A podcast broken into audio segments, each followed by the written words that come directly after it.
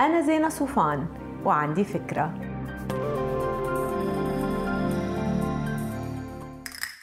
هاي. في فكرة سائدة بأنه النساء علاقتهم بالمال هي علاقة إنفاق وأنه إدارة المال بتتعارض مع الطبيعة الأنثوية.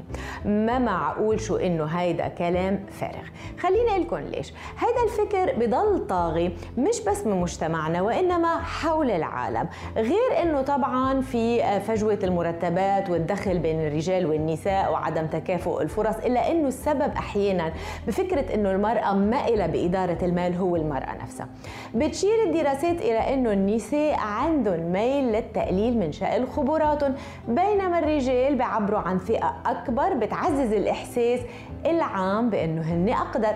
بتقول الدراسات كمان أنه النساء حتى بيسعروا كفاءتهم بأقل من نظرائهم من الرجال وهيدا شيء أنا لمسته بالتجربة الشخصية وتعلمت أنه لازم يكون أكثر جرأة بتسعير خبرتي وعدم الانتقاص منها. كمان بينقال إنه النساء مش قد المخاطرة بأسواق المال. مش صحيح. كل الموضوع إنه النساء كتير قبلانين إنه النساء المدفة قيادة الحياة المالية للرجال وبالتالي المال المتوفر للاستثمار هو بالفعل بيد الرجل سواء الأب أو الأخ أو الزوج وصولا للابن لاحقا. بالحقيقة المرأة ولو كانت مرتاحة لهي الصيغة لكن عندها مصلحة أصيلة تعرف كيف عم بتم إدارة المال اللي بتعيش منه اليوم واللي رح يضمن لها مستقبلها ما بيجوز إنه موضوع مثل التقاعد المصيري يكون منسي على أساس إنه هو مسؤولية الرجل أو الزوج. هو مسؤولية مشتركة لازم المرأة تطالب بأنها تكون لاعب فاعل فيها ولازم الرجل يعرف أنه الشراكة بالحياة ما بتوقف لما بنوصل على حساب البنك.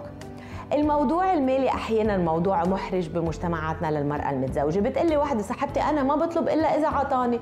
كل مقاربة موضوع المال بالعلاقات الزوجية لازم ننقلها للمستوى التالي ونتحدث عنها بدون أي حرج وبمنتهى الشفافية.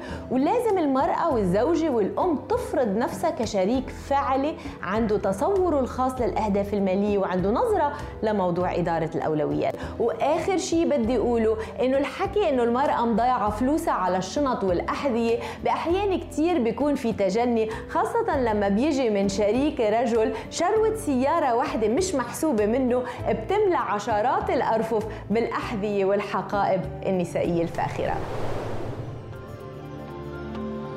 ما تنسوا تعملوا download للفكرة تعطوها rating وتساعدوني بنشره. bye